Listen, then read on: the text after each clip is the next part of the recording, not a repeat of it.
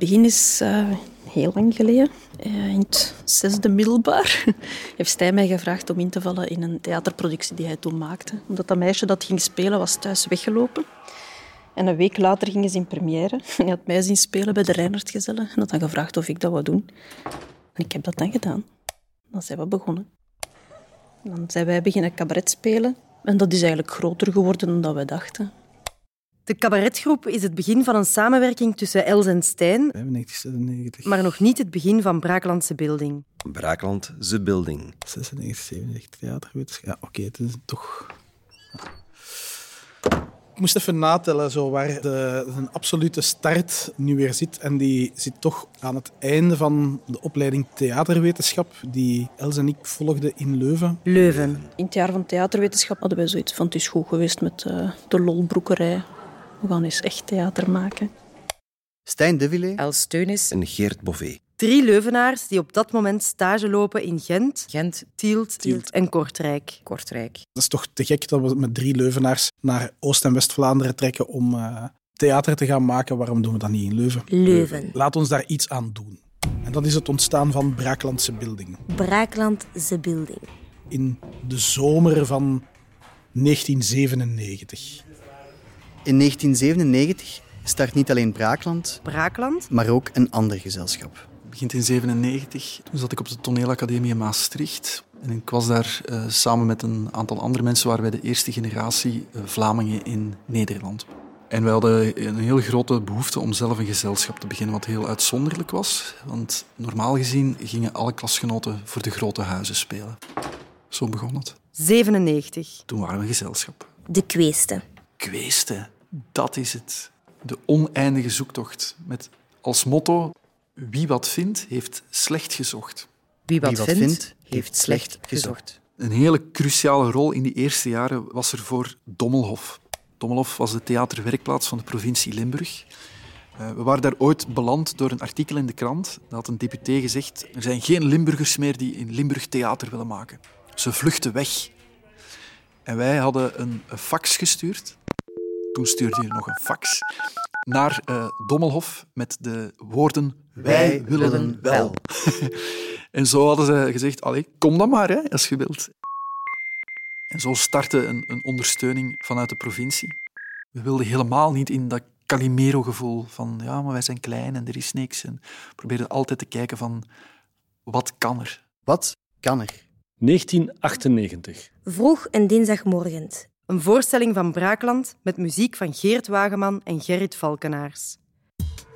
En dat zijn dus vandaag nog steeds de twee belangrijkste muzikanten uit mijn professionele loopbaan. Ze vormen echt zo de rode draad doorheen mijn werk. Wat ik fijn vind aan het gezelschap is dat we lange termijn engagementen met mensen hebben gehad, zodat je echt gegroeid bent in je pad samen.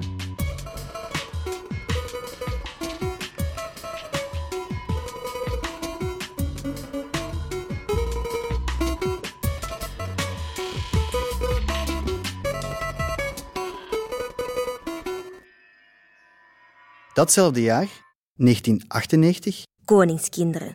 De eerste voorstelling van de Kweesten. Coach Chris Kuppes. En we kenden hem van Heterdaad, de politieserie die toen heel populair was.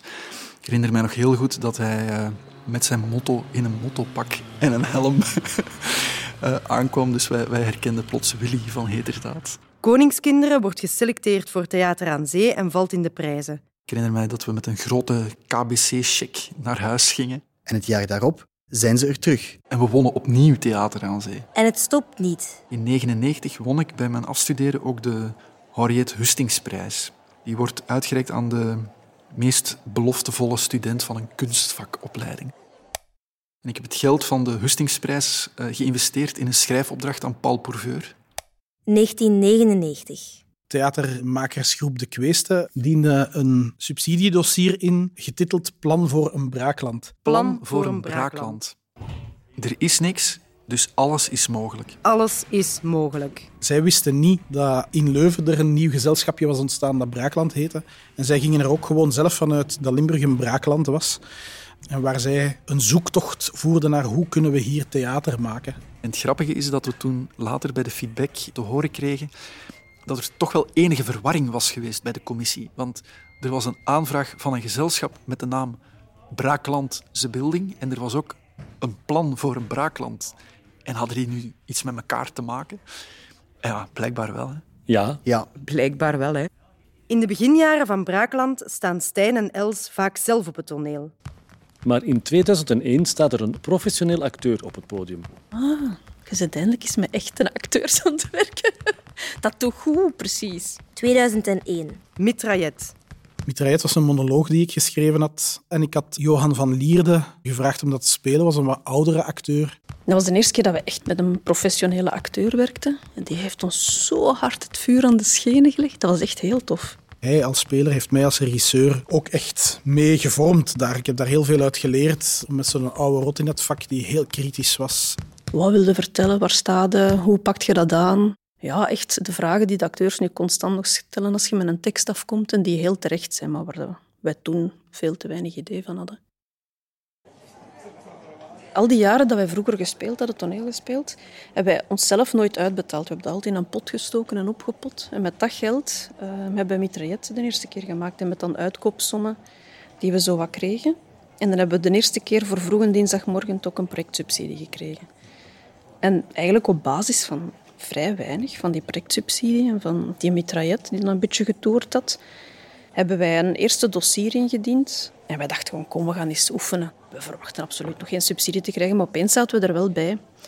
Omdat als Jo een soort van impuls, structurele subsidie wou geven aan een aantal gezelschappen, dat waren wij, Marta Tentatief en Vier Hoog, denk ik toen. Dat was zo'n beetje een vergiftigd geschenk. We kregen 111.000 euro, waar je eigenlijk één voorstelling mee kon maken per jaar. Maar wij moesten wel voldoen aan de normen van iedereen. En wij waren allee, ambitieus genoeg om dan ook een werking uit de grond te stampen. Dus ik heb geen idee hoe wij dat toen gedaan hebben, maar dat is toch gelukt. Dat is toch gelukt. dat is toch gelukt? Dat is toch gelukt. Dat is toch gelukt.